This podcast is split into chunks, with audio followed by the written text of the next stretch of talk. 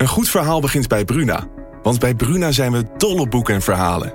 Verhalen zoals deze. De slagen van de noodklok dreunen over het dorp. Zwaar en dreigend. Ze overstemmen de gemoedelijke drukte op de markt. En alle handelingen vallen stil. Wat zou er aan de hand zijn? vraagt Oda ongerust. Wil jij weten hoe dit afloopt? Je leest het in Bloedlijn van Simone van der Vlucht. Nu bij Bruna.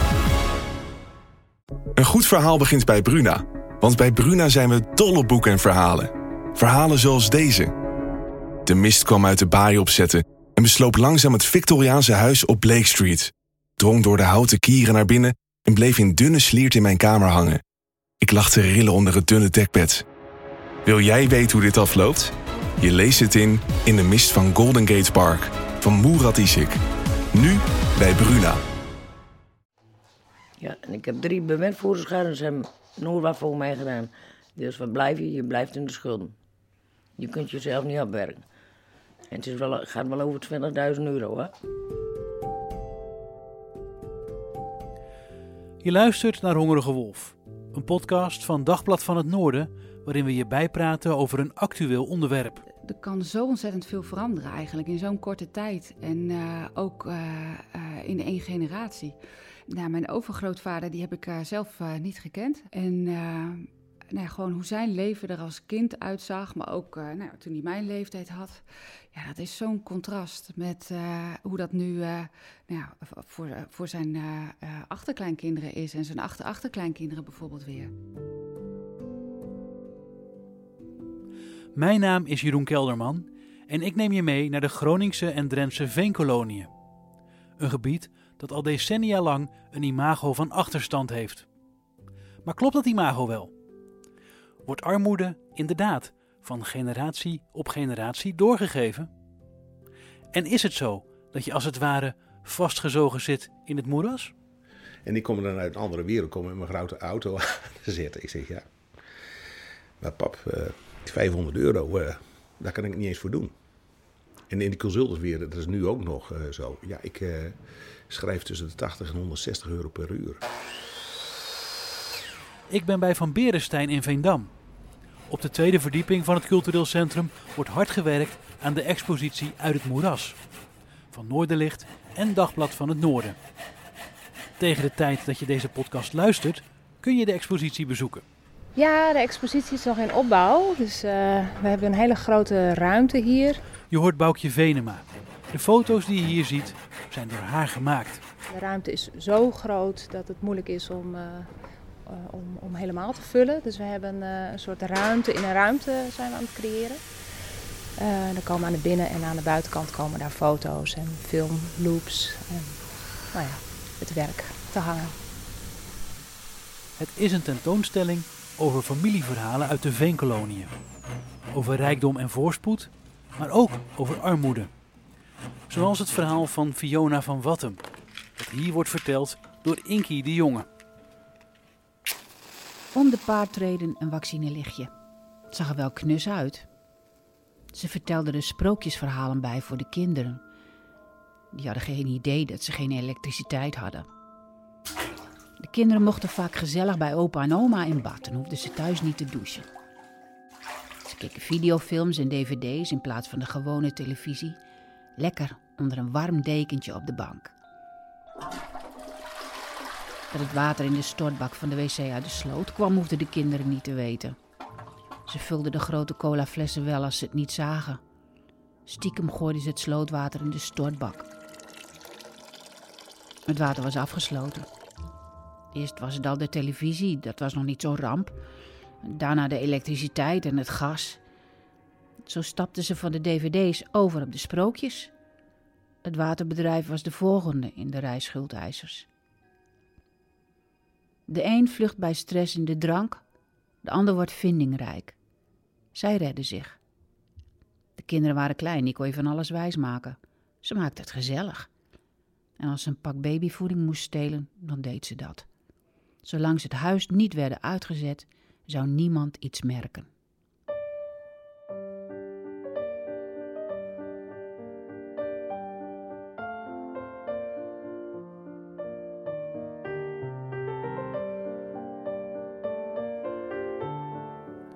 Armoede. Wat is dat eigenlijk? Als je geen geld hebt, ben je arm. Maar is dat ook armoede? Wat als je familie je de rug toekeert? Valt dat ook onder armoede? Wat armoede echt is, ligt bijna aan de persoon aan wie je de vraag stelt. De Rijksuniversiteit Groningen doet onderzoek naar armoede van generatie op generatie in de Veenkoloniën. Een gebied dat bekend staat om de armoedigheid. Journalist Maaike Borst van Dagblad van het Noorden wilde daarom op zoek naar de verhalen van gewone mensen. Weg van de kille cijfers. Als je naar de cijfers kijkt in de statistieken, is, is er wel uh, meer achterstand of, of laaggeletterdheid en zo dan in sommige andere streken. Maar um, ja, aan de andere kant uh, worstelen ze ook met dat imago. Want er zijn ook heel veel mensen die heel erg veel houden van de veenkoloniën juist. En hier met heel veel plezier wonen. Dus wij wilden wel zo, zo breed mogelijk vertellen. Dus daarom uh, hebben wij families, veel verschillende families gekozen. En gewoon nog zijn gaan praten over hun leven. En, en gaan kijken van god, wat, wat, wat, wat doen die wortels nou waar mensen vandaan komen? Hoe bepalend zijn die in hun leven? En, en daar gaan onze verhalen over. Wat kun jij vertellen over hoe dat imago nou zo gekomen is? Het slechte imago van de veenkolonie. Het zit natuurlijk heel erg in, nou ja, in het veen en, en het, het, beeld. Het is natuurlijk een heel aantrekkelijk beeld om te laten zien, denk je. De, de, de, de turfstekers, de plaggenhutten. En dat is een beeld wat steeds uh, terugkomt. En, en soms is het ook wel een soort van beeld dat veenkolonialen zelf ook wel koesteren van ja, het, het, was niks en het is niks en het wordt niks en zo. Ze kunnen er ook wel soms een beetje zo over doen. En, um, maar nou ja, de, uh, ik heb ook mensen gesproken die daar dus juist heel erg uh, boos over zijn dat dat imago er is. Die zeggen, er is veel meer hier. En, en, en, er is ook een hele rijke geschiedenis van, van, van, van uh, scheepvaart en, en nou ja, van alles. En daar, daar gaat het niet over. En dat zou anders moeten. Dus dat is, ja, zo'n imago kom je moeilijk vanaf. Tja, je komt er moeilijk vanaf.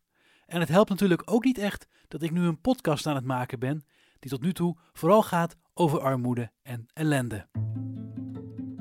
Ik heb het niet aan hem gevraagd, maar ik weet bijna zeker dat Jacob Swindeman uit Oude Pekela het daar helemaal mee eens is.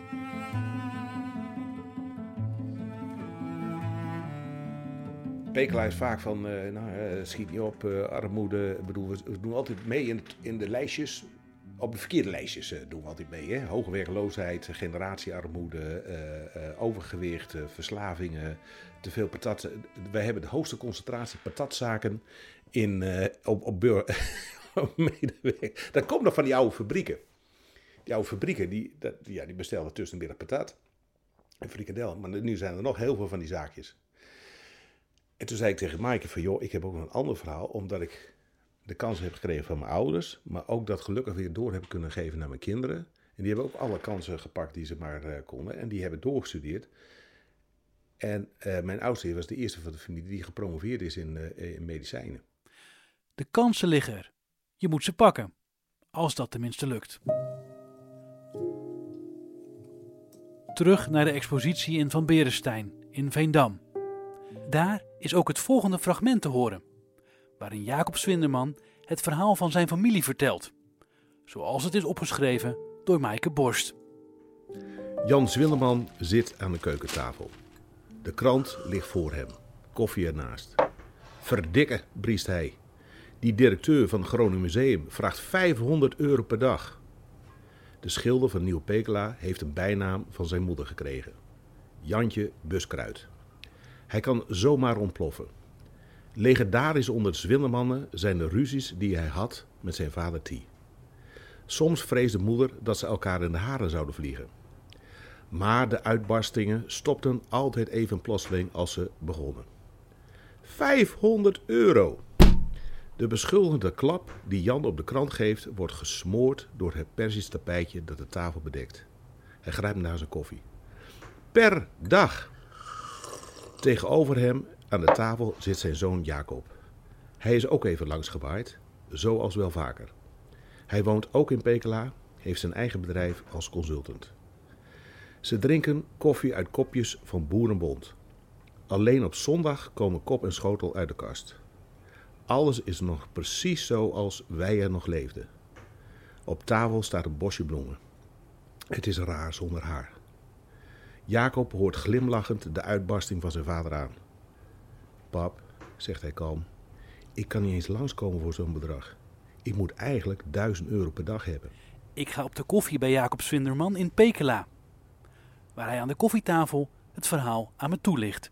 Dit verhaal gaat erover is dat ehm, mijn vader altijd heel heeft, hard heeft eh, gewerkt voor ja, toch wat lagere prijzen.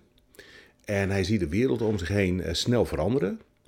En ehm, nou, dan kijkt hij naar zo'n groot museum dan heeft hij al zoiets van, nou ja, wel leuk en zo, maar eh, moet dat nou echt, zo'n heel duur gebouw. En ik ken deze directeur, dat is George Verberg was het destijds. Die, of, of van, de, van, de, van die interim directeur was. En dat was een topman van de gasunie. Nou, die heeft ook wat gasuniegelden naar het museum toegesluist. Dus dat was een prima combinatie. En mijn vader die verraste zich dan over van... Uh, ja jongens, zoveel geld, dat is toch idioot? Ja, en ik werkte als consultant. Ik moest toen minimaal 1260 per dag uh, halen. Dus hij verbaasde zich van 500 euro. Dat is toch een enorm bedrag. Zo hebben, zoveel heb ik nooit bij elkaar geschilderd. En ik kom dan uit een andere wereld, kom met mijn grote auto aan te zitten. Ik zeg, ja, maar pap, uh, 500 euro, daar kan ik niet eens voor doen. Het verhaal van de Zwindermannen is een van de positieve verhalen van Uit het Moeras. Waar moeder Zwinderman nog in een armenhuis woont, hebben haar kinderen en kleinkinderen gestudeerd en mede daardoor goede banen. De familieverhalen zijn trouwens na te lezen op de website uithetmoeras.nl. Een aantal van die verhalen is door kunstenaar en fotograaf Boukje Venema vastgelegd en te zien tijdens de tentoonstelling. Ben eigenlijk begonnen, uh, het, het, project is eigenlijk een beetje tweeledig. Ik ben begonnen echt puur als een soort beeldend onderzoek naar verandering um, en naar het proces van verandering. Dus um, ja, hoe zet je beeldend een, uh, een, een verandering in gang? Uh, dus dat heb ik helemaal uitgewerkt. En dat is heel nou, vrij experimenteel. Werk ik met, uh, met foto's, bestaande archiefbeelden, verf, filmloops, van alles. en daarna ben ik een stapje dichterbij gegaan eigenlijk. Dus de, ben ik de mensen gaan fotograferen. Heb ik samen met Maaike vijf van de, van de mensen die ook geïnterviewd zijn heb ik gefotografeerd met een 19e-eeuwse eh, camera op glasplaten. En eigenlijk om, ehm, ja, om, om een soort nieuw eikpunt op een tijdlijn te zetten. Dus ehm, met het idee van ehm, ja, de geschiedenis. Het, is niet dat er een begin en een einde is, maar het, het, is, het is een soort doorlopend proces. En ja, alles wat je ooit hebt meegemaakt of uh, familiegeschiedenis. En dat is altijd, blijft altijd een beetje onderdeel van je. En uh, ja, deze mensen die staan ergens op die tijdlijn. En daarvoor was iets en daarna komt ook iets. Waar de een een goede toekomst heeft opgebouwd, voelt het voor een ander als een gevecht om op die tijdlijn te blijven staan. Zoals Dirkje Loods uit Stadskanaal, die haar eigen levensverhaal voorleest. Ik maak een mooi wiggie van die, zegt de tandarts. De jongens lopen straks allemaal achter jou aan. Dirkje lacht, de gebedsloze lach die ze al jaren lacht. Jongens, daarvan heeft ze haar buik wel even vol. Haar derde man is er net vandoor gegaan met een ander. Die twee daarvoor, normaal wel lief, maar als ze dranken waren, was het kut. Die tanden is ze al heel lang kwijt. Maar ze was bang en ze kwam toch bijna nooit buiten, dus zoveel maakte het niet uit. In dat laatste huwelijk zat ze er voor Piet Snor bij. Hij had zijn feestjes, zij zat om 7 uur s'avonds op bed televisie te kijken. Terwijl deed ze eten koken, zorgen voor de kinderen. Een leven zonder inhoud, als ze het achteraf bekijkt. En dan ook nog verlaten worden voor zo'n jong wicht. Soms fantaseert Dirkje over wraak. Benzine door de brievenbus, Lucie weer erbij. Ze doet het niet hoor, want dan denk je later weer, wat heb ik gedaan? Nee, een mooi leven heeft ze niet gehad. Ik zit bij Dirkje in de woonkamer van haar appartement. Dirkje drinkt koffie en rookt. Mijn eh, ex die heeft mij toen gedreigd, met zo'n uh, kruisboog. En toen heb ik een papier moeten tekenen onder de wang. Heb ik ook gedaan, maar ik lees de papieren wel en ik snap ze niet. En uh, nou ja, ik heb ze getekend, dus wat bleek later? Ik kwam voor alle schulden staan. Hij is nou schuldenvrij, maar ik heb ze. En het is wel, gaat wel over 20.000 euro, hè? Ja, en ik heb drie bewindvoerderschaden. Ze hebben nooit wat voor mij gedaan. Ik zit niet in de begrafenis, ik zit nergens in. Maar dat wist ik dus niet. Ik werd mij ook nooit wat verteld, ik kreeg geen afschrift, niks. Dus wat blijf je? Je blijft in de schulden. Je kunt jezelf niet opwerken. Nee. Ik heb mezelf opgebouwd, mijn eigen sterkte teruggekregen. Maar de humor en zo, die blijft hoor. Ik blijf lachen. Een sigaretje, die hou ik, dus... ja. De kleindochter van Dirkje is ook in de woonkamer en speelt met de kat. Ik zie hoop, want hier is een jong meisje dat nog een heel leven voor zich heeft, met alle kansen die daarbij horen. En dat is ook precies wat Maaike Borst voor ogen heeft als ze haar verhalen schrijft. We willen, we willen juist de ontwikkeling laten zien van, uh, van, van hoe, hoe, hoe dat gaat van generatie op generatie. En bij sommige, sommige mensen blijven erin en, en is het gewoon heel moeilijk om, om zich eraan te ontworstelen. En gaat het over van wat, wat dan de barrières zijn. En bij anderen zie je dat ze inderdaad vaak, vaak door onderwijs of net een beetje de goede mensen tegenkomen. Uh, uh, dat, dat, ze, dat, dat ze juist inderdaad uiteindelijk hoog opgeleid zijn en, en goede banen hebben. En dat soort dingen, ja. Ik ging ook op bezoek bij Cecil Prins uit Gasselt en Nijveen. Haar familiegeschiedenis is ook opgeschreven. Maar Dagblad van het Noorden was niet de eerste die dat deed. De familie heeft een boek dat werd geschreven door Mindert Adema, de overgrootvader van Cecil, die werd geboren in 1884. Nou, mijn overgrootvader die heb ik uh, zelf uh, niet gekend. Hij is vlak voordat ik geboren was overleden. Um, maar um, wat ik nog wel heb, is dat ik. Hij heeft een boek geschreven met al zijn herinneringen. Nou, die beginnen eigenlijk al vanaf dat hij twee jaar oud is. Um, eigenlijk totdat hij gepensioneerd is. Zijn vaste klusje was aardappelschillen voor het eten. En na het aardappelschillen, dan ging hij altijd even zitten om een stukje te schrijven voor in, voor in dat boek. Ja, en nou ja, het is het dagboek van een veenarbeider. En het is eh, gewoon wel heel bijzonder, omdat nou ja, we, zijn binnen onze familie allemaal, denk ik, wel gezegend met een, een goed geheugen. Maar ja, we, we, hebben gewoon een boek waar heel gedetailleerd allerlei herinneringen ja, staan opgetekend door hem. En nou, dat is wel heel bijzonder. Ik ga naar mijn vader. Ik wil helpen werken in het veen. Het is 1895. Mindert Adema is 11 jaar oud. Een kwa jongen. Avontuurlijk, eigenwijs, driftig. Op zijn zevende stak hij het huis van zijn tante in de fik. Hij was nieuwsgierig of de stro op het dak ook wilde branden. Mindert is ongehoorzaam en een vechtersbaas, maar ook een ondernemende harde werker. Je moet naar school, zegt zijn moeder. Laat de school maar opbranden, ik ga er niet meer naartoe. Mindert kan zijn moeder het bloed onder de nagels vandaan halen. Vraagt ze hem iets te doen, lacht hij haar uit. Rent ze achter hem aan, springt hij op een vlot en is buiten bereik. Moeder kan ook driftig zijn. Eens gooide ze hem een tang in het gezicht. Bloeden! En ze heeft al een keer zijn spullen gepakt om hem op straat te zetten. Ze bedacht zich op het laatste moment. Wat wil jij? vraagt zijn vader als Min het aankomt zetten in het veen. Ik wil je helpen. Dat gebeurt niet. Je gaat naar school. Dat ding kan om mij opbranden. De, helemaal aan het einde van het boek van mijn overgrootvader, dan uh, uh, vertelt hij eigenlijk heel trots over zijn kinderen, waar ze allemaal terecht zijn gekomen. Dus dat is het, dat is het ook, hoe, de, hoe, hoe die generatie erboven eigenlijk heel graag wil dat de generatie daarna het beter heeft. Dus ik vind ik wel, nou ja, ik, ik ben echt heel blij dat wij in de, nou ja, dat, dat, dat boek zo hebben. Dat we dat zo. Nou ja, dat we de kans hebben om dat zo terug te zien. Ja. Wat de toekomst voor je in petto heeft, dat weet je niet. Het leven ligt namelijk niet vast. Het verleden wel, zoals in het boek waar Cecile het net over had.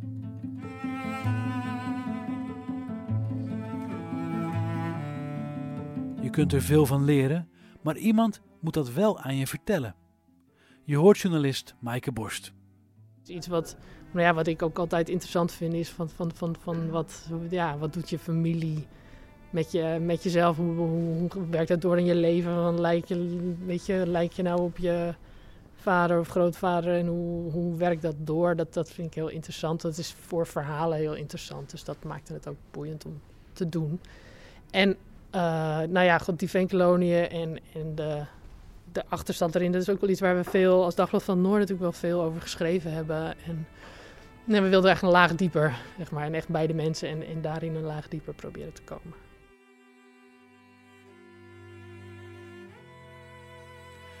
De tentoonstelling Uit het Moeras is tot en met 29 mei te zien bij Cultureel Centrum van Berenstein in Veendam. En de familieverhalen zijn na te lezen op de website uithetmoeras.nl.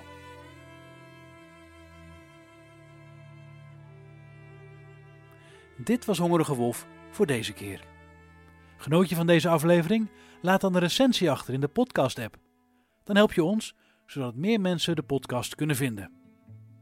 Dit is een podcast van Dagblad van het Noorden en mijn naam is Jeroen Kelderman.